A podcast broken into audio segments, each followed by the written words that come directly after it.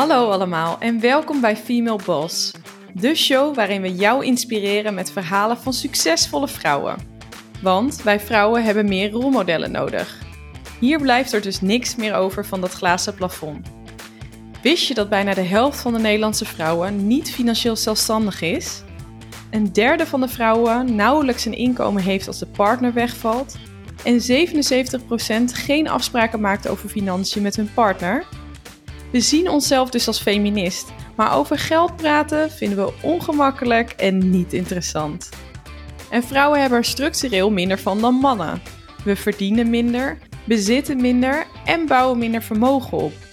En dat is een probleem, want geld is één van de belangrijkste sleutels naar meer onafhankelijkheid. Daarom staat dit seizoen in het teken van geld. Want hoe jij er financieel voor staat kun je zelf beïnvloeden. En financiële onafhankelijkheid is niet zo moeilijk als het misschien lijkt. Met mijn gasten buig ik me over dit onderwerp en komen met concrete tips en stappen om jou verder te helpen. Van salarisonderhandelingen tot beleggen. Aan het einde van dit seizoen heb jij je eigen money mindset gecreëerd.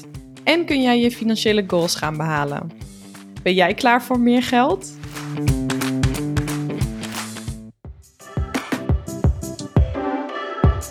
Tondernemen, oftewel ondernemen en minimaal een ton per jaar verdienen. Wie wil dat nou niet? Suzanne van Duin, a.k.a. Vrije Meid, weet er alles van en helpt ondernemers naar meer vrijheid in hun werk en leven. Dit doet ze met coachingstrajecten, online cursussen en haar podcast. Ook schreef ze niet één, maar twee boeken. Haar eerste boek, Work Hard, Travel Harder, gaat over het werken en reizen als digital nomad. Hoe kun je als ZZP'er je inkomen vergroten? In haar tweede boek, De route naar 100.000 euro per jaar, legt Susanne uit hoe zij door persoonlijke groei haar inkomen wist te verdrievoudigen. En deelt ze de geheimen van andere ondernemers die zij voor haar blog interviewde. In dit interview leer je van Susanne waarom je je werk vooral moet zien als een manier om zelf te groeien, wat zij geleerd heeft van alle ondernemers die zij heeft geïnterviewd en hoe zij zichzelf traint om in kansen en in overvloed te denken. Luister zoals altijd dus weer snel mee voor een goede dosis inspiratie en motivatie. Hey Susanne, wat leuk dat je te gast bent in de podcast. Ja, nou, ik vind het ook heel leuk om hier te zijn, dankjewel. Ik ben heel benieuwd, wie was vroeger een rolmodel voor jou? Ja, dat, uh, daar heb ik er heel eventjes over nagedacht net al. Um, lastig. Um, ik denk als tiener of zo dat ik misschien wel geen rolmodel had. En misschien is dat ook meteen het probleem. dat, er, ja, dat er heel weinig misschien wel bekende vrouwen zijn die op dat moment in mijn hè, netwerk zaten. Mm Ja, even denken. En uiteindelijk ben ik gaan werken. En ik ben op een gegeven moment in loondienst gekomen als redacteur bij um, een modevakblad. En daar was mijn hoofdredacteur wel mijn rolmodel eigenlijk. Oh, wat goed. Um, deels omdat ik zelf wel hoofdredacteur zou willen worden toen, of had willen worden toen. Maar ook omdat ik dacht, um, ja, gewoon hoe zij denkt, dat vond ik wel heel, heel cool. Ik dacht namelijk altijd van, oeh, een werkgever die, dat is, die staat boven je en die, die, die, die heeft niet per se het beste met je voort, maar die wil vooral dingen van je. Ja. En zij zei eigenlijk tegen mij ooit, je moet je werk gewoon zien als een manier om zelf te groeien. En de, elke baan die je hebt is gewoon een manier om zelf weer dingen te leren en om weer verder te komen. Oh, dat is een Dat- hele goede. En dat zei ze tegen mij terwijl ze mijn baas was. En ik dacht, wow, dat vind ik echt wel impressive. Dat, eh, dat vond ik wel cool. Wat goed. En hoe heb je dat meegenomen?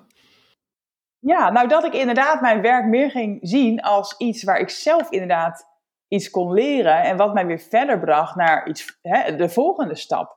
En misschien was ik daarvoor wel op zoek naar een eindstation. Dat ik dacht van, hè, ik moet een droombaan vinden en dan ben ik er. En misschien dat ik daardoor wel ben gaan denken van nee, je, je komt gewoon elke keer een stapje verder. Je leert weer iets en je gaat weer weg. En misschien heb je nog steeds een soort van einddoel in je hoofd.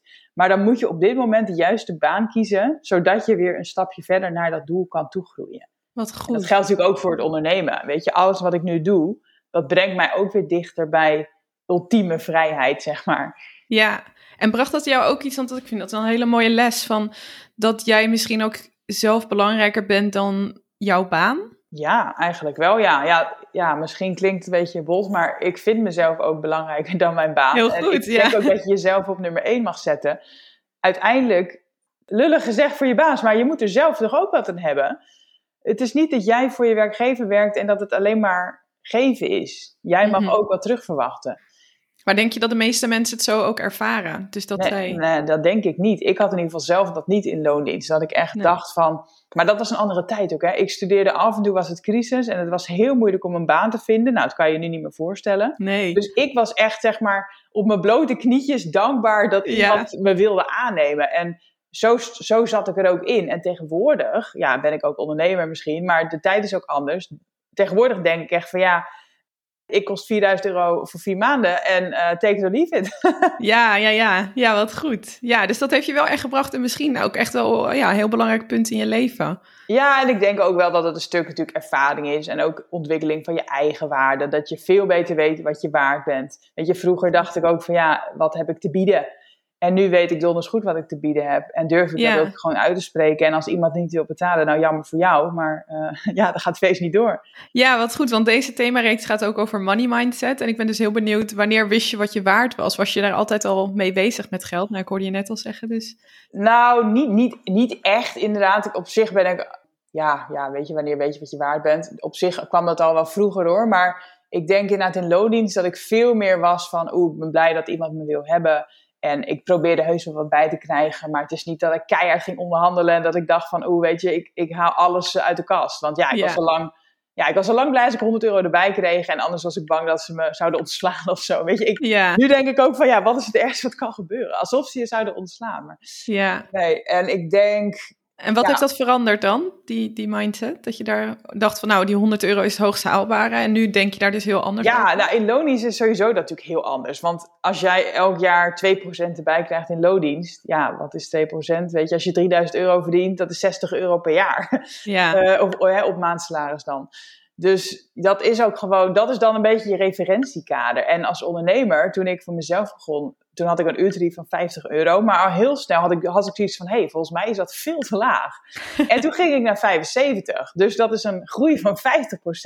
Maar ik dacht niet van, hé, hey, wat een, dat is een beetje te veel om te vragen. Ik dacht gewoon, nee, dit lijkt mij een beter tarief, 75. En opeens heb je door als ondernemer van, hé, hey, er is maar één iemand die mijn prijs kan bepalen, dat ben ik zelf. Ik zit, ben niet gebonden aan een jaarlijkse ho- verhoging van 2%. Ik hoef geen toestemming. Ik, ik kan gewoon zelf ten alle tijden mijn prijzen verhogen naar wat ik vind dat ik waard ben. En wat natuurlijk Ja. een gekke voor geeft. ja, ja, precies. Want merkte je dat ook, dat het gewoon ook een test was van, nou, ik kijk hoe klanten hierop reageren? Ja, zeker. Op een gegeven moment zag ik het echt als een spel. Dat ik dacht van, ik ga gewoon elke keer... Ja, ik, ik ga gewoon kijken hoe ver ik kan gaan. En Ja. als, ik, hè, als ik vaak nee krijg, dan zit ik denk ik te hoog. Maar ik kreeg bijna nooit nee. Ja, En zo kon ik eigenlijk elke keer wel mijn prijs verhogen. En eh, op een gegeven moment ging ik naar 100 euro per uur. En mensen betaalden het nog steeds. wauw. Nu, en inmiddels is het nog meer. Maar tenminste, Ja. ik, werk, ik werk niet meer met een uurtarief voor. Maar dit was eigenlijk in de tijd dat ik mezelf nog verhuurde als freelancer. Ja, ja, dus dat was echt dat je zo per uur zeg maar liet inhuren. En, Ja. eh, en kun je iets vertellen, want je zegt nu heb, heb, je, heb je daar een andere manier voor? Ja, ik was toen freelance PR-adviseur. Dus bedrijven huurden mij in om eigenlijk voor hen PR te doen. Dat doe ik niet meer. Ik ben inmiddels eigenlijk nou, bijna fulltime coach. Dus ik werk niet met uurtarieven, maar mensen komen bij mij voor een traject van vier maanden. En dan ja, betaal je ook eigenlijk of in één keer of je betaalt per maand. Maar het is gewoon een vast bedrag voor het hele traject. Ja, en dat is coaching en je biedt ook die eh, eh, online cursussen aan. Ja, mijn grootste verdienmodel nu is coaching. Ehm, en daarnaast heb ik inderdaad online cursussen. Ik heb eh, boeken. Ik heb nog een los masterclass volgens mij ergens online staan. Ik heb nog een blog waar ik af en toe wat mee verdien. Ik organiseer een event ook weer 9 december. Dus op zich heb ik ook allerlei losse verdienmodellen. Maar het grootste, ja, stabielste is wel de coaching. Ja, en met welke problemen komen jouw eh, coachingsklanten bij jou? Ja, vooral, het zijn nu eigenlijk best wel veel mensen die zelf een online cursus hebben. En die denken van ja, het verkoopt niet goed genoeg. Ik, Mhm. hè, het wordt wel een beetje verkocht, maar het kan volgens mij veel beter. Maar hoe dan? Eh, en dat vind ik heel leuk, want dat is eigenlijk een soort puzzeltje leggen voor mij. Dat ik echt moet uitpluizen met ze, met ze van, ja, waar ligt het aan? Is je cursus niet goed? Of is de verkooppagina niet goed? Of vindt niemand de verkooppagina? Of hè, waar, waar ligt het nou aan? Hoe komen mensen Ja. bij je? Is het je bereik? Is het je conversie? Is het de prijs? Is het... Het kan van alles zijn. En ik vind het heel leuk om dat dan uit te pluizen en om te gaan verbeteren en om dan weer door te meten of het heeft gewerkt. Wat goed. Ja, want je gelooft daar wel in. Want jij zegt bij jou is het grootste onderdeel is het stuk coaching, je grootste verdienmodel ten opzichte van de online cursus. Maar je ziet dus ook wel dat, daar, dat, dat je daar echt van kunt leven. Oh, van zeker. Ja, en ik heb een klant die haalt dit jaar een ton puur met één cursus. Wauw. Dat kan, dat kan zeker. Ik geloof dat alles kan. Alleen je moet vooral ook doen wat je blij maakt. En inderdaad ook wel focus houden, denk ik, voor waar je voor gaat. Want als je acht dingen tegelijk probeert te doen, ja, dan zal het niet allemaal heel succesvol zijn, denk ik. Ik geloof wel dat je dingen tegelijk kan doen. Ik doe ook altijd meerdere dingen, wat ik al zei. Ja. Maar ik heb wel altijd bepaalde, bepaalde focuspunten. En het is niet Ja. dat ik allemaal tegelijk wil opstarten. Nee, precies. Dus je hebt het soort van gefaseerd allemaal gestart, waardoor je op dat moment kon focussen op dat ene ding. Ja, ik heb, ik heb 2,5 jaar geleden alweer mijn eerste cursus. Of nou ja, eigenlijk had ik ervoor al eentje. Maar 2,5 jaar geleden heb ik zelf mijn eerste cursus gemaakt. En het jaar daarna nog eentje. En het jaar daarna nog eentje. En Oh, zo heb ik elke keer de, de tijd en de focus om weer iets nieuws te doen. Ja. En ja, elke, elk jaar reflecteer ik ook weer. Dus dit jaar heb ik dat ook gedaan. En heb ik dus ook een cursus weer stopgezet. Omdat het niet meer past bij waar ik voor sta. En een cursus is ook niet dat je natuurlijk dat één keer maakt en dat het dan forever blijft verkopen. Ten eerste Nee. moet je daar ook echt iets voor doen, een strategie hebben. En ten tweede moet wel de inhoud natuurlijk up-to-date blijven. En als jij een cursus van 2,5 jaar oud hebt, vind ik wel dat je die op een gegeven moment moet updaten. En daar had ik, ja, ik merkte dat ik daar dus helemaal geen zin meer in had. En dan moet Ja. je jezelf afvragen van, ja, hoe, hoe leuk vind je het nog eigenlijk wel? ja. Is dit eigenlijk dus nog wel waar je voor staat? En toen Ja. heb ik besloten om hem offline te halen. En hoe heb jij dit allemaal geleerd? Heb je dit soort van learning by doing? Of heb jij ook nog gebruik gemaakt van resources? Ehm, Een Coaching. beetje van beide. Ik heb, ik heb heel veel, ja, heel veel gedaan. Sowieso heel veel geprobeerd en heel veel verschillende verdienmodellen gehad. De laatste zeven jaar al bijna dat ik onderneem. Dus het is heel, heel veel learning by doing. Maar ik heb ook heel veel boeken gelezen, podcasts geluisterd. Ik heb dus heel veel mensen geïnterviewd ook voor mijn blog en voor mijn Ja. podcast en voor mijn boek. Dikke aanrader, dus die zetten we ook in de show notes. Dank. Ja. Eh, ik heb zelf ook coach gehad. Eh, echt een lange termijn traject, zeg maar. Maar ook losse sessies wel eens gehad. Ik heb veel persoonlijke ontwikkelingsdingen gedaan. Jezelf leren kennen is ook heel belangrijk als ondernemer. En wat me ook wel heel veel heeft gebracht, is dat ik een ander bedrijf heb gehad met een compagnon. En dan spiegel je elkaar, elkaar heel erg. En dan ga je pas echt zien wat je beste eigenschappen zijn en wat je mindere eigenschappen zijn. Omdat Super je iemand anders tegenover je hebt.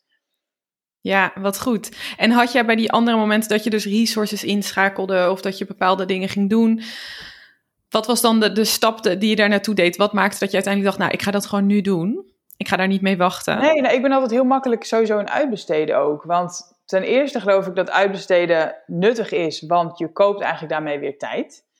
En ten tweede weet ik heus wel dat ik niet alles goed kan. En ik wil ook helemaal niet alles doen. Dus ja, Nee. dan huur ik gewoon iemand in. Dus ik, ik vind dat eigenlijk nooit een big deal. Ik denk bij uitbesteden ook heel erg van, ja, wat levert het je op? Als ik iemand inhuur voor 50 euro, maar ik kan mezelf weer verhuren voor 200 euro, ja, dan heb ik toch 150 euro winst. Ja, dus echt zo eigenlijk meer als in een business case denken en plussen en minnen van wat hou ik over. Ja, ja, ik, Ja. ik zie ehm, daar geen eh, bezwaren in. Nee, ik ben ook echt al sinds het eerste jaar dat ik ondernemer ben dingen aan het uitbesteden. Zelfs als freelancer. Ja, wat goed, wat goed. En dat werkt dus, het gaat dus heel, eh, ja, kijk, je, je, je moet denk ik op een gegeven moment ook wel. Want op een gegeven moment zitten je eigen uren vol. Ja, En dan moet je denken van ja, is dit, wat, hè, is dit het dan? Of is er een manier om te groeien? En ik denk als jij dus weer taken gaat uitbesteden, dat je dus meer, meer tijd krijgt. Maar je kan op die manier ook weer meer klanten bedienen, omdat je dus weer ja, meer, meer tijd hebt voor jezelf. En voor, want voor kun jij een voorbeeld geven voor, van wat voor taken jij zoal hebt uitbesteed of nu uitbesteed? Oeh, heel veel. Nou, toen ik freelancer was, toen ging ik op een gegeven moment gewoon mijn eigen werk uitbesteden, omdat ik gewoon genoeg werk had. Ja, dus ja, op het moment dat je dan eigenlijk een team aan het bouwen bent, dan kan je gewoon veel meer klanten aan. Dus dat waren gewoon de, de werkzaamheden die ik zelf deed, dus veel PR en veel content maken. Ehm, bij mijn PR-bureau hetzelfde verhaal. Maar ik heb bijvoorbeeld ook een technische VA die dingen doet met mijn funnels en met mijn automatiseringen. Ik heb een Oh ja, en een. VA is een virtual assistant. Hè, Ja, dan? ik heb iemand die mijn social media tekstjes inplande. Ik had iemand die mijn podcast editte. Ik heb iemand die mijn pakketjes verstuurde naar mijn klanten. Ik heb iemand die advertenties voor me draaide. Allerlei dingetjes eigenlijk. Wat Zodat goed. ik focus op waar ik goed, goed in ben en waar ik, ehm, wat ik het leukste vind. Ja, wat goed. En heb je daarin ook wel eens gehad dat, het, dat, het, eh, dat die persoon niet goed was? Of dat je toch dacht, oh, ik weet niet of dit nou het juiste onderwerp is om uit te besteden. Ik neem het weer terug in mijn eigen portefeuille. Mm, niet heel vaak. Ik moet zeggen dat het ook Kijk, als ik iets uitbesteed waar ik zelf gewoon echt geen kaas van heb gegeten, ben ik natuurlijk veel makkelijker. Want ja, zelf kan ik het niet. Nee, dus als precies. ik bijvoorbeeld video's laat editen of mijn podcast laat editen, ja, ik kan het zelf niet. Dus dan ben ik helemaal niet kritisch, denk ik. Ja, als het maar gebeurt, dan vind ik het goed. Ja, Maar bijvoorbeeld social media tekstjes schrijven, ik vind mezelf daar wel goed in. Dus dan ben ik wel wat kritischer wie ik, wie ik dat dan laat doen. Ja, Maar goed, ja, ik denk ook, kijk vooral ook naar jezelf als je iets uitbesteedt. Hè. Je moet wel goed iemand brieven, want anders kan diegene natuurlijk ook niet doen wat jij wil. Je Nee. moet wel in zekere zin heel duidelijk zijn in wat je verwacht. ja, Eh, en als iemand iets niet goed doet, dan denk ik vooral kijk naar jezelf. Waar heb jij steek laten vallen? Heb je iemand goed gebriefd? Wist iemand echt wat, wat hij moest doen? Want anders kan je niet ja, diegene daarop afrekenen, vind ik. En het is ook een stukje loslaten. ja, Misschien is het niet 100% zoals ik het zelf zou doen, maar is dat erg? Want dan Ja. kan ik dus nooit wat uitbesteden. Nee, en het levert je wel tijd op natuurlijk, die je dan overhoudt voor andere dingen. Dus ja, dat weegt ook wel zwaar. Ja.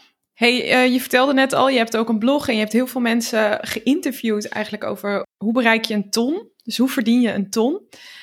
Een heerlijk woord gebruik jij ook voor jouw business, tondernemer. Ja. Dat vond ik een hele mooie. En eh, jij leert mensen ook te denken in overvloed. Ja. waarom, waarom is dat noodzakelijk? Wat missen wij? Ja, ik denk als je meer, als je meer wil, als je meer wil, dan moet je wat denken in overvloed. ik denk als je blijft denken in tekorten en dus ook in beperkingen, ja, dan hou je jezelf de hele tijd tegen. Als je continu, hè, het glas is half leeg, eh, we zitten aan ons max, het zou wel fout gaan, ja, kom jij dan in actie? Ja, Terwijl als jij ziet dat er kansen liggen en je gaat ervan uit dat het gaat lukken en dat het goed komt en dat het kan, ja, dat gaat veel, dan ga je veel makkelijker van start.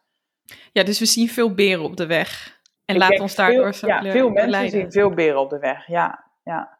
En dat is natuurlijk ook heel normaal, hè? want zo is het brein ook ontworpen om jezelf klein te houden en veilig. Om maar vooral Ja. niet anders te zijn dan normaal en om maar gewoon hè, normaal te zijn. En dat is ook heel, heel Nederlands, denk ik hoor. Gewoon doe maar normaal, doe jou gek genoeg en vooral niet je hoofd boven het maaiveld uitsteken. Dat zie je zeker terug. En zie je dan ook dat mensen misschien al in die stap daarvoor over, nou ja, we zijn net denken in overvloed, dat mensen überhaupt al gewoon tevreden zijn met wat ze hebben? Nee, ik denk dat we onszelf dat voorhouden vaak. Van het, het is wel goed genoeg. Hè? Ja. Een, een, zes, een zesje. Een zesjescultuur. Van hè, Ja. het is wel oké. Maar ik wil niet een leven wat wel oké is. Het is echt zonde. Maar dat komt omdat ik kan denken in overvloed. En denk van ja, het kan zoveel beter. Er is zoveel Ja. meer. Maar ik denk als je dat niet ziet, dat je dus genoegen neemt met een zesje. En hoe heb jij die mindset ontwikkeld van overvloed? Ja. Heb je dat altijd al gehad of heb je dat nog soort van, train je dat nog? Ja, dat is een goede vraag. Ik denk deels dat het natuurlijk wel ergens al in me zit. eh, dat, ik, dat ik toch een soort optimist ben.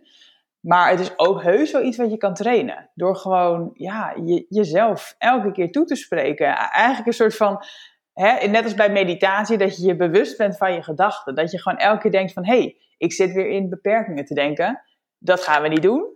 Hoe kan het anders? Hoe kan Ja. het wel? Hè? In plaats dat ik denk van, oh, ik heb daar geen geld voor. Dat ik denk, hoe kan het wel? Hoe kan ik dit geld verdienen? Heb je dat wel eens gehad, zo'n moment dat je dat zelf zeker. dacht van ik wil dit? En wat, wat is dan wat je wilde bijvoorbeeld? Nou, bijvoorbeeld dit jaar nog. Ik ben dit jaar bevallen van een eh, zoontje. Ik werk minder. Nou ja, ik ben met verlof geweest. Dus die Tom, die leek dit jaar best wel ver weg.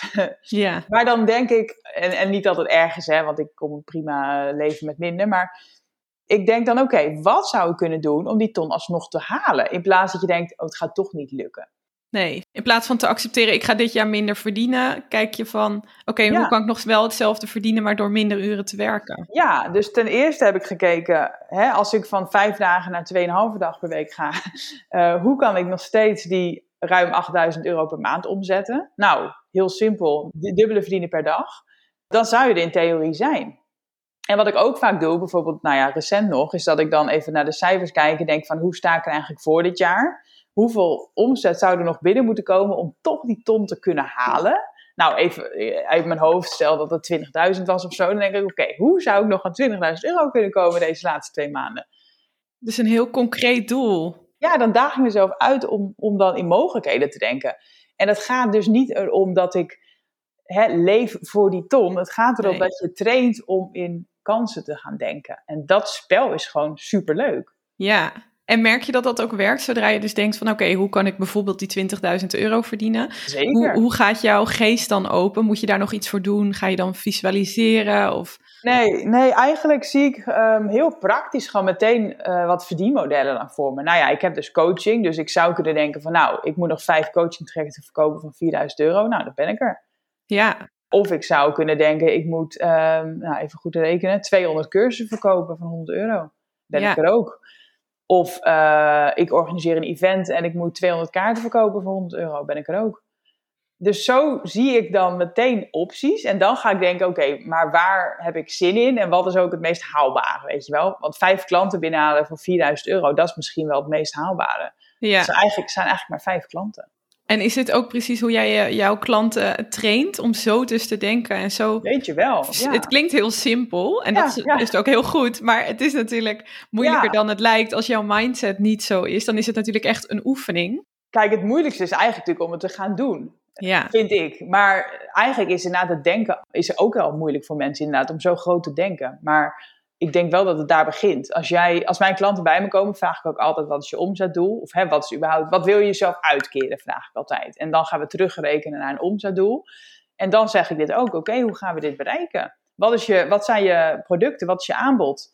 En hoeveel moeten we dus verkopen van dat aanbod om dat doel te halen? En vaak rolt er een cijfer uit wat toch best wel haalbaar is. En, en dan zien ze het opeens toch voor zich. En dat helpt bij het in actie komen, omdat je weet van, hé, hey, dit, dit klinkt eigenlijk toch best wel haalbaar. En zie je het ook gebeuren dan bij klanten dat jij en zij verrast zijn van: oké, dit is bedacht en het is uiteindelijk ook gerealiseerd? Ja. ja. ik heb één klant, dat is echt heel leuk, want zij kwam vorig jaar bij me en zij zei eigenlijk van: nou, ik wil zo snel mogelijk 3400 euro omzet halen om gewoon rond te kunnen komen met mijn baan op te zeggen. Ja. Nou, dat, dat vond ik niet echt een heel uitdagend doel en dat is ook heel snel gelukt. Wat goed.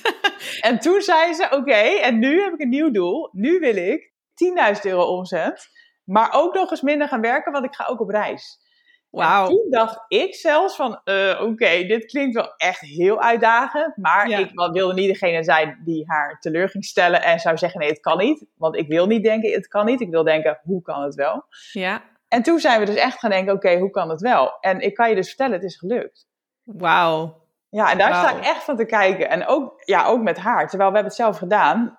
Uh, maar ja, ik ben eigenlijk ook wel gewoon flabbergasted dat, dat het kan, inderdaad. Ja, en hoe kun jij zeggen van welke vorm? Wat, wat heeft zij gedaan om dat te laten Ja, zij heeft, een, zij heeft een online cursus. Dus eigenlijk was het sommetje ook, nou ja, heel simpel gezegd door even. Uh, nou ja, ook uh, eh, 100 cursussen per maand verkopen van 100 euro is, is, is 10.000 euro. Ja. En ja, dan is gewoon de vraag, hoe verkoop je 100 cursussen per maand? En dan zijn we vooral gaan kijken van ja, hoe verkoop je ze nu? Hoe verkoop je er nu bijvoorbeeld 30? En hoe kunnen we dat dus verdrievoudigen? Ja. En ja, dan kan het heel uh, simpel gezegd zo zijn dat je je marketing verdrievoudigt. Ja. En dat is een kwestie van doen. En als je dan uren tekort komt, moet je dus iemand gaan inschakelen. Dan moet je niet zorgen dat je dat je, je plafond bereikt. Waren dat ook de succesfactoren inderdaad? Dus, dus ook resources bijschakelen om dit te kunnen bereiken? Ja, ja we hebben inderdaad een team gebouwd. Uh, freelancers wel hoor. Dus een VA en een... Uh, een klantenservice medewerker en, en, en, nog zo iemand. Om inderdaad haar weer vrij te spelen. Om inderdaad weer te focussen op de groei en waar zij goed in is. En om, om, omdat ze ook minder wilde gaan werken. Ja, te gek. En wat goed ook, want dat, ik kan me voorstellen, het hangt natuurlijk een beetje met elkaar samen. Je, dat team kun je opzetten om jou verder te helpen groeien, maar je hebt die groei nog niet bereikt. Dus dat voelt weer een beetje in inderdaad dat oergevoel wat je zei van veiligheid en risico nemen. Dat is dan best wel een spannende stap. Dat is wel goed hoor. Mensen die twijfelen heel vaak om een team op te bouwen omdat ze het geld nog niet hebben. Ehm, maar aan de andere kant ga je het geld ook niet verdienen als je het team niet hebt. Nee. Dus dat is inderdaad zo'n kip of het ei verhaal. Maar ergens moet je die cirkel doorbreken, anders kom je er niet uit. Ja, en dat gewoon ook durven. En zie je dat ook wel eens misgaan? Dus dat er een team gestart wordt en dat dingen niet worden behaald? Nee, eigenlijk niet. Omdat het in, stap, in stapjes gaat. Hè. Het, is niet, ja, het is niet zo zwart-wit. Het is niet dat jij nu een team inhuurt en dat het morgen staat en dat je iedereen opeens 1000 euro per maand moet gaan betalen. Zo werkt het niet. Het zijn ook gewoon freelancers. Dus stel dat de groei toch achterblijft ja, dan huur je ze niet in. Of je zet ze weer even op on hold. Ja, je, bouw, je bouwt het letterlijk op. Ja, waanzinnig. Ja, en dat is ook wel een goed voorbeeld dat het dus in kleine stapjes gaat. Dat maakt het misschien iets minder ja. angstaanjagend, zoiets. Nee, ik had ook nog een klant van de week, die, die is ook bezig met een, ja, een klein team bouwen. En die was ook heel even in panic mode van, oh jeetje, maar eh, hoe moet het nou? Want weet je, financieel en, en ik heb helemaal nog niet dat geld. En toen zei ik van, ho ho, plaats er maar gewoon die facturen. Want je hoeft niet meteen te trouwen. Hè? Het is net als, ik zei tegen haar, als jij een Tinder-profiel aanmaakt, dan ga je toch ook niet meteen trouwen? Nee. Plaats nou maar gewoon eerst die vacature, dan ga je gesprekken voeren. Hè? En voordat diegene een keertje aan het werk is, ben je maanden verder. En tegen die tijd heb je al lang het geld. Ja, en ik vind het een heel mooi voorbeeld ook uh, van de, de dame die je net gaf. Dat zij eigenlijk met een heel concreet en beginnend doel uh, kwam van nou, ik werk nu in loondienst en ik wil voor mezelf en ik heb 3400 euro nodig ja, ja, om uitgerekend. rond te kunnen komen. En dat zij vanaf dat punt, denk dat het goed is om een soort kleine stappen eerst, dat ze daar eerst los van kwam, maar dat ze daarna meteen groter ging denken van oké, dan wil ik meer, dan wil ik die 10.000. Ja, ja, dat vind ik ook wel Zie mooi. Zie je dat veel gebeuren? Ja, en ook bij mezelf hoor, want het is, um, het is gewoon heel leuk om te groeien dat, nou ja, wat ik al zei, ik vind het ook gewoon een soort spel. En het is niet zozeer dat het op een gegeven moment meer noodzaak is natuurlijk. Want ik kom ook prima rond zonder een ton. Maar het is gewoon leuk om, om te groeien. En wat heel veel mensen vergeten is dat je natuurlijk ook meer mensen helpt als je meer omzet draait. Dus als ik uh, een ton draai, bij wijze van spreken met 100 klanten. En ik draai 2 ton, dan betekent dat ik 200 klanten heb gehad. Ja. Dus mijn impact is ook gewoon groter als ik, als ik meer verdien. Of andersom, als ik meer impact maak, verdien ik ook meer. Dus het is niet alleen dat je het voor jezelf doet natuurlijk, maar als het goed is, help je daar ook meer mensen mee. Precies, ja, dus als je dat, en dat is denk ik een mooie, ik denk, denk dat heel veel vrouwen dat hebben, dat herkennen, herken ik in ieder geval, dat ik het liever voor een ander doe dan voor mezelf. Dus dan kan je me zo ook nog stellen van, nou, je helpt andere mensen hiermee. Ja, ja je moet wel weten wat je drijft, weet je wel. Want kijk, geld aan zich is gewoon natuurlijk, ja, leeg of zo. Geld is een middel. En ik weet heel goed wat geld mij oplevert. En dat motiveert mij. Weet je, de vrijheid die het oplevert, dat motiveert mij. Maar ook, hè, ik, ik, heb een, ik wil een leuk huis hebben. Ik wil mijn pensioen bij elkaar beleggen. Ik wil elk jaar mooie reizen maken. Kost ook geld. En die dingen motiveren mij. Die, de dingen die ik met het geld wil doen. Ja, en ik denk dat het een heel mooi voorbeeld is dat, um, voor, dat er ook dus mensen bij jou aankloppen die nu in loondienst zijn. Ik kan me voorstellen dat bij veel mensen speelt die graag meer vrijheid willen en uh, zouden willen proberen om ondernemer te zijn. Zie je dan dat vooral die online cursussen het ding zijn en is die markt ooit verzadigd, denk je? Want ik kan me voorstellen dat mensen nu denken, ja, maar er zijn er al zoveel, ja, wat zou ik nou, nou toevoegen? Meerdere vragen. Ten eerste komen er weinig mensen bij mij die in loondienst zijn hoor. Dit was een beetje een uitzondering. En de meeste mensen die nog in loondienst zijn, die zijn al half. Dus die, die zijn al iets begonnen naast hun baan, zeg maar. Want ik help niet meer starters. Ik coach geen starters meer die echt gewoon no clue hebben wat ze gaan doen. Daar heb ik een cursus voor. Ja. um, dus dat was even vraag 1. En vraag 2, uh, eh, het is niet zo dat de meeste mensen in loondienst, denk ik, een online cursus gaan maken. Ik denk dat dat juist iets is wat freelancers doen die al een tijdje bezig zijn en die best wel ervaring hebben en skills. En die dan denken, hey, ik kan iets. Ik kan mensen iets leren en ik heb zelf geen tijd meer, want hè, ik zit vol hoe kan ik nog groeien? En dan is een cursus ideaal, omdat je inderdaad nou ja, daarmee een schaalbaar product hebt. Dat kost jou niet meer tijd als jij er opeens 20 van verkoopt. Dus dat is dan een logische stap. Maar je ziet eigenlijk dat mensen die bijvoorbeeld in loondienst, dat die eerst gaan freelancen.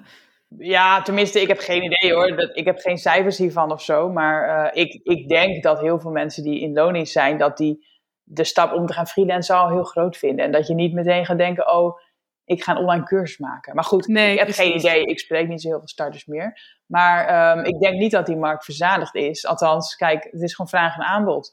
Als er op een gegeven moment te veel cursussen zijn, ja, dan zullen er minder mensen jouw cursus kopen. En dan uh, ja, lost het probleem zichzelf wel weer op, denk ik. Ja. Um, vrijheid is denk ik iets waar we allemaal wel naar verlangen. En ook daarbij komt ook locatie-onafhankelijkheid uh, bij kijken. Um, maar de meesten denken vooral aan de rekeningen die betaald moeten worden. We hadden het er net al even over. En misschien nog, hebben ze nog geen idee wat ze precies kunnen doen. Hoe help jij klanten bij deze vraagstukken met jouw cursussen?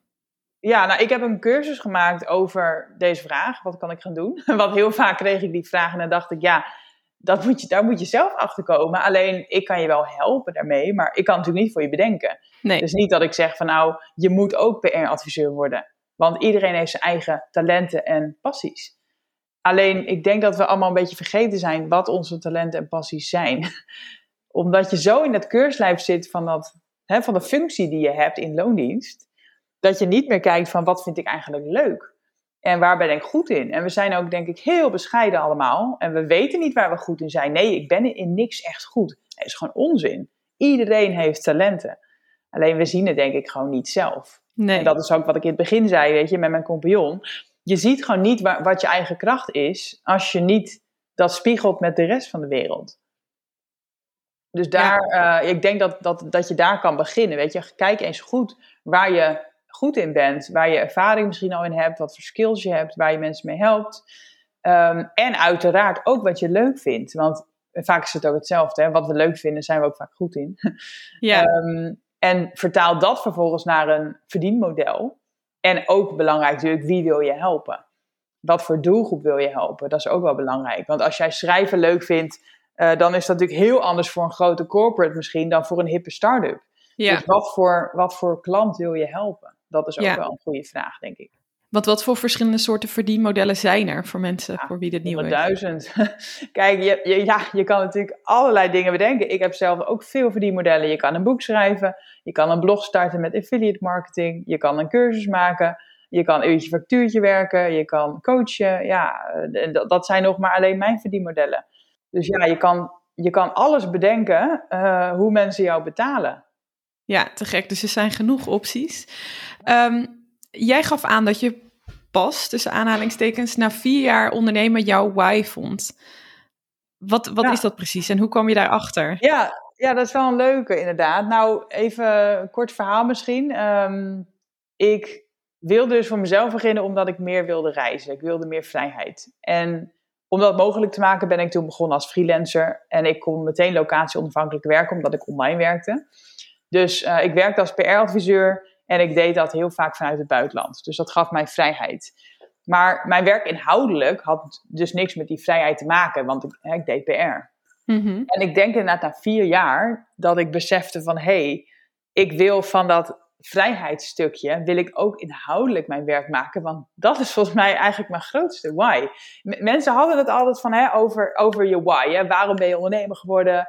En ik had altijd zoiets van, nou ja, PR ja, is gewoon mijn skill, maar het is niet mijn passie. Het is niet dat ik dacht van, oh, ik ga voor mezelf beginnen, zodat ik zoveel mogelijk mensen kan helpen met PR.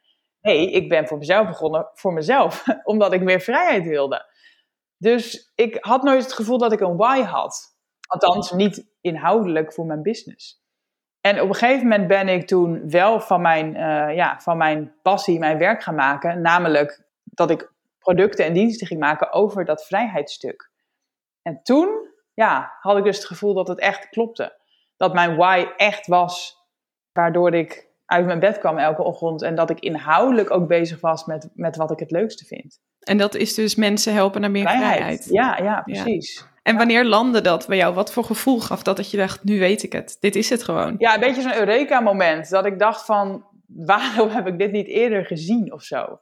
Ja. Want ik deed, uh, ik deed dus freelance PR-werk, maar ik was on the site altijd al wel bezig om mensen te inspireren over vrijheid en over locatie onafhankelijk werken. Ik had een blog al waar ik er dingen op schreef. Ik had een workshop wel eens gegeven, offline hierover. Ik was notabene bezig met een boek hierover. en toen dacht ik van, hé, hey, ik kan inhoudelijk hier wel gewoon mijn werk van maken. En dan hoef ik helemaal geen PR meer te doen. Ja, te gek. Ja, en toen begon alles te stromen. toen ben ik echt in een stroomverstelling gekomen. En ben ik dus ook heel hard gegroeid op Instagram. En heb ik echt, ja, ik weet niet, dan klopt zeg maar je why dus met je aanbod. En dat voelen mensen ook. Dan kan je ook veel beter verkopen. En nou ja, dan ga je stralen en dan, dan, dan gaan Alle puzzelstukjes uh, vielen in elkaar. En was het ook, denk je, doordat je daardoor focus had? Uh, nou, ik had altijd al wel focus. Maar ik denk dat het wel goed is ja, om gewoon dus te doen waar je het allerblijste van wordt. Maar dat besef, want je deed dat ook al, maar je zei het ging meer stromen. Hoe denk je dat dat soort van op anderen overkwam? Wat was dan het onderdeel dat... Nou, die passie. Kijk, ik heb nooit zo gepassioneerd geweest over PR als over, als over vrijheid.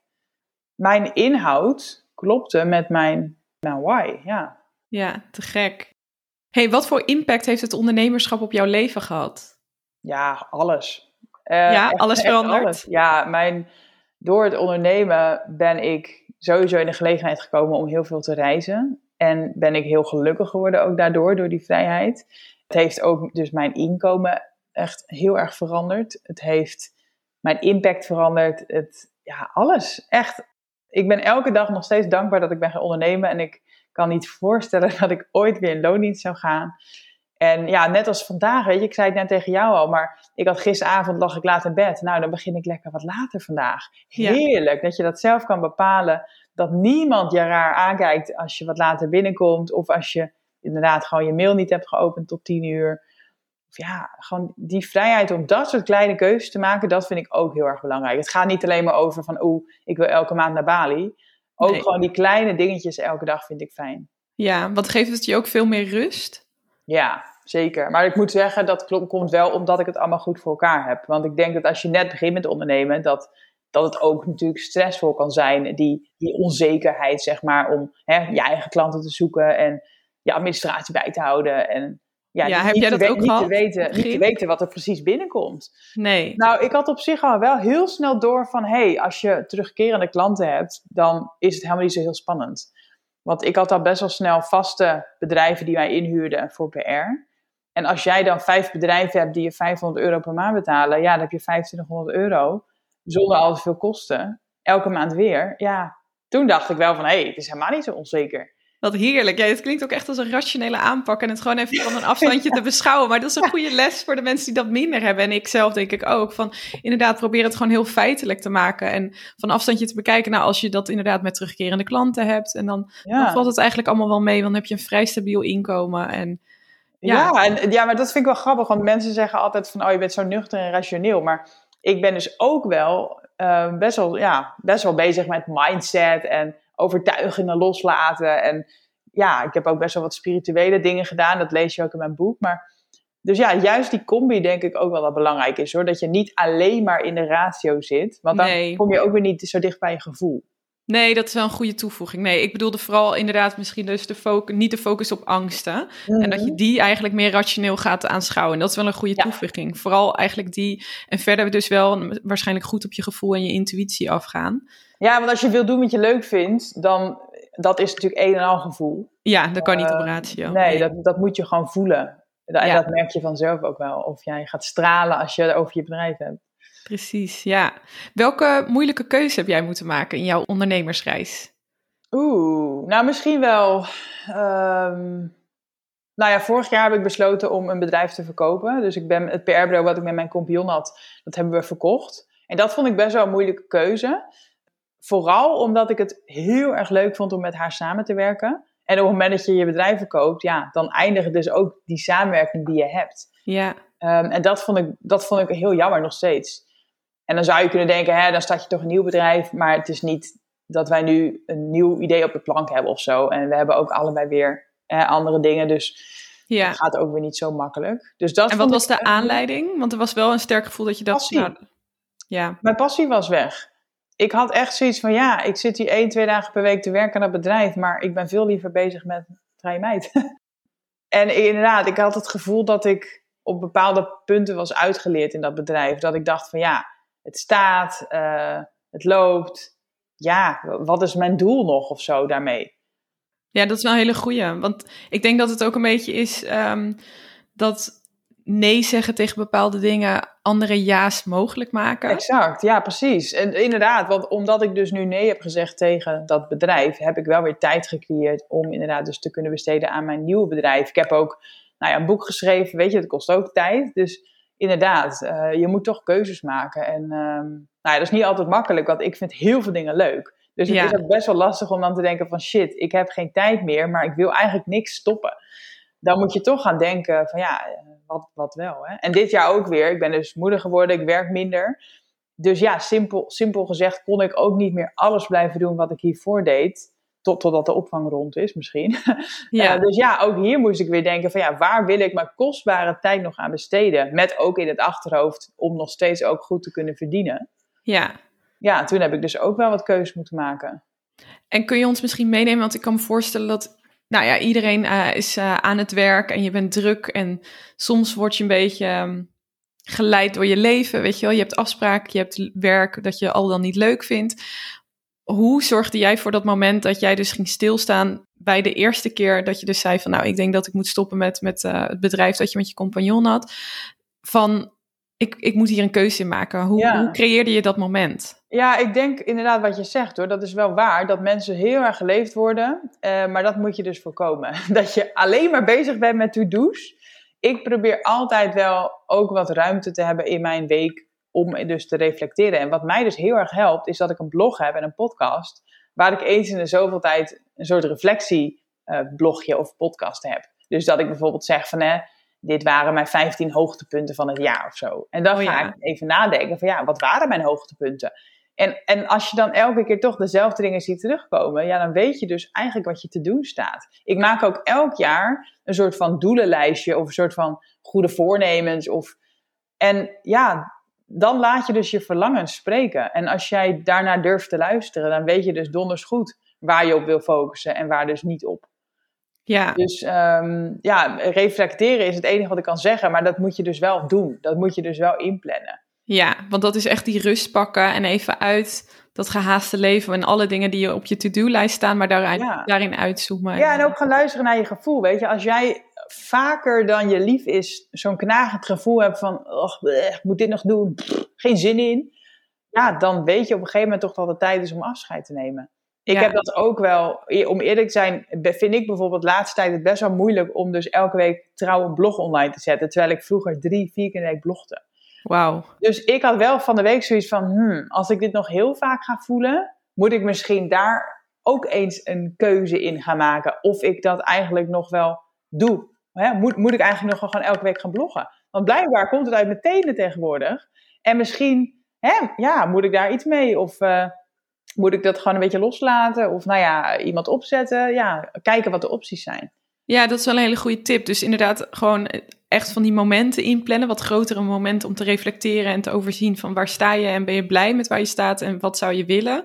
Maar dus ook eigenlijk al oplettend te zijn op die momentjes die in het dagelijks leven gebeuren. en waar je minder energie van krijgt. Ja, ik maak elke ochtend een to-do-list. En als je dan kijkt van waar wil je heel graag mee beginnen en wat schuif je de hele tijd voor je uit dan, dan heb je eigenlijk toch al je antwoord. Ja. Als jij dat elke dag weer hebt, dan, dan weet je toch dat je daar helemaal niet meer mee door wilt. Nee, nee heel mooie tip. Ja. Ehm, ik denk dat je een heleboel van ons heel enthousiast hebt mee, weten te maken. Wat voor advies heb jij nog voor ons? Oeh, ja, nou ja, groot denken, niet bang zijn. Dat klinkt altijd zo lekker cheesy misschien, maar dat is wel denk ik de kern om, om te bereiken wat je wil. Weet je, ga, durf eens echt na te denken wat je wil in het leven, wat je wil in je bedrijf. En, en formuleer dat tot een doel. En ga dus ophakken hoe je daar gaat komen. Wat is er nodig om dat te bereiken? Het hoeft niet morgen, hè? het hoeft niet volgende week, het hoeft zelfs niet dit jaar. Maar ja, uiteindelijk ben je er hopelijk wel naartoe aan het werken. En als je niet begint, ga je er nooit komen. Dus ja, welk stapje kan je misschien vandaag zetten om toch alweer dichterbij te komen? En als je dat elke dag doet, dan kom je echt een heel eind. Super mooi. Ja, dus ook opbreken in kleine stapjes. En heb jij zelf wel eens een, iets gehad waarvoor je bang was, maar uiteindelijk toch hebt gedaan? Ja, überhaupt gewoon mijn baan opzeggen. Ik bedoel, dat is echt wel een mijlpaal geweest in mijn loopbaan. Hè? Om, om gewoon die keuze te maken om voor jezelf verder te gaan. Dat vind ik wel een hele belangrijke milestone. Maar ook wel die switch van freelancer dus naar mijn eigen producten en diensten uh, en ook gaan coachen. Het bedrijf verkopen. Ja, dat zijn toch wel rigoureuze keuzes geweest in mijn uh, carrière. Die heus wel spannend waren. Maar ik heb dan altijd gewoon voor ogen, waar doe ik het voor? Wat wil ik echt? En wat wil ik niet meer? He, die verlangens en die pijnen. En uh, als je dat voor ogen houdt, dan maakt het veel makkelijker om een beslissing te maken. En dus niet genoegen nemen met minder, met dat zesje. Exact. Ja, want je was oké gelukkig waarschijnlijk uh, daarvoor. Ik, inderdaad, ik heb nooit in een depressie gezeten of zo. Nee. niet, maar, maar waarom moeten we daarop wachten? Dat, dat, is, dat is ook wel mijn drive. Van, um, ik wil niet op mijn tachtigste terugkijken op mijn leven en denken: oh, had ik er maar meer uitgehaald. Of hè, eigenlijk had ik altijd wel willen ondernemen, maar ja, nooit gedaan. Ik wil echt niet zo'n moment krijgen. En, en überhaupt, hè, misschien haal ik dat helemaal niet. Misschien ga ik over een paar jaar dood. En hè, hoezo moet je dan pas denken: oh, eigenlijk wilde ik nog wel een reis maken naar Peru. Ja, als jij dat wil, ga dat gewoon in godsnaam doen. Ja, ja, en laat al die overtuigingen los die jij zelf hebt, of hoe, hoe je denkt dat anderen over je denken, of de beren die je ziet. Ja, want ik, ik weet nu al dat mensen weer gaan denken: ja, Peru, maar ja, het is hartstikke duur. Ja. Klopt, maar ga dan denken: hoe kom ik aan dat geld? Wat kan ik doen om die 3000 euro te verdienen? Denk in mogelijkheden. Weet je, het is niet dat ik dat geld op de plank altijd heb liggen, maar dan ga ik denken: wat kan ik doen om het wel te realiseren? Ja, en dat kan zelfs iets zijn dan als je Stel dat je in loondienst bent, kun je altijd nog natuurlijk dingen bedenken waarmee je een side hustle kunt starten of in je baan meer geld kunt gaan verdienen. Ja. Maar het begint bij doelen stellen en dus heel concreet voor je zien van waar wil ik naartoe. Dit zodat, gaat ook voor loondienst. Ja, dit gaat ook voor loondienst, ja. Zodat je die mogelijkheden eigenlijk uh, gaat creëren in je hoofd. Ja, Fantastisch. Suzanne, heb jij nog een boekentip voor ons? Oeh, nou ja, mijn eigen boek kan ik natuurlijk tippen, Zeker. maar een beetje flauw. Um, nou, wat, ik, wat mijn leven echt heeft veranderd is de 4-Hour Workweek. Dat is van Tim Ferriss en dat, ja. dat vind ik wel echt een, een, een bijbel voor mensen die meer vrijheid willen en ja, denken over ondernemen. Uh, Rich Dad Poor Dad wordt misschien ook vaak genoemd, maar dat is ook wel echt voor je money mindset een goede om te gaan, ja, anders te gaan denken over geld. Ja. En misschien nog wel ook een beter boek vind ik Het miljonairsbrein ontrafeld. Dat gaat ook heel erg over money mindset. En hè, niet, denk niet zo, maar, maar zo. En als ik dus twijfel of zo, dan denk ik heel vaak: oké, hoe zou een miljonair denken? Ja, dan weet je eigenlijk wel wat ze zouden denken. Weet je, in overvloed. Ja, dus dat zijn goede tips om zeg maar die status quo en die mindset die we hebben door opvoeding en qua uh, oergevoel, weet je wel, dat we voor veiligheid altijd gaan. Maar inderdaad, daardoor misschien stappen niet durven te nemen die we makkelijk aan kunnen, om die eigenlijk te trainen en uh, dat meer te ontwikkelen. Ja. Ja, ja ik, heb heel, ik heb heel veel boekentips hoor. Ik kan nog een hele podcast erover opnemen. Maar... Ja, nee, maar deze zijn fantastisch. En die komen op de lijst te staan en in de show notes. Dus super goede tips. Suzanne, heel erg bedankt. Je bent voor ons een echte female boss. Heel inspirerend wat je ook net allemaal hebt gedeeld. Ik ben heel benieuwd van welke female boss zou jij haar verhaal willen horen? Wie moeten we gaan volgen? Oeh, ja, ik heb altijd wel mensen die mij inspireren. Um, vind Charlotte van de Woud gewoon echt een baas. Uh, maar die, die wordt vaak ook al, die wordt vast al vaker genoemd. Uh, ik vind Emily Sobels ook een, een, echt een baas. Ik zit zelf bij hashtag Workmode, een coworking space, en zij is de oprichter daarvan. Ja, dus dat, um, dat is de, de oprichter. Ja, dus die, die vind ik ook wel heel inspirerend. Ja, dit zijn super, twee super inspirerende vrouwen. Dus uh, mocht je ze nog niet volgen, ga ze vooral volgen. En wie weet zien we ze ooit terug in de podcast. Suzanne, bedankt voor al deze tips en inspiratie. En uh, we gaan je volgen. Dankjewel.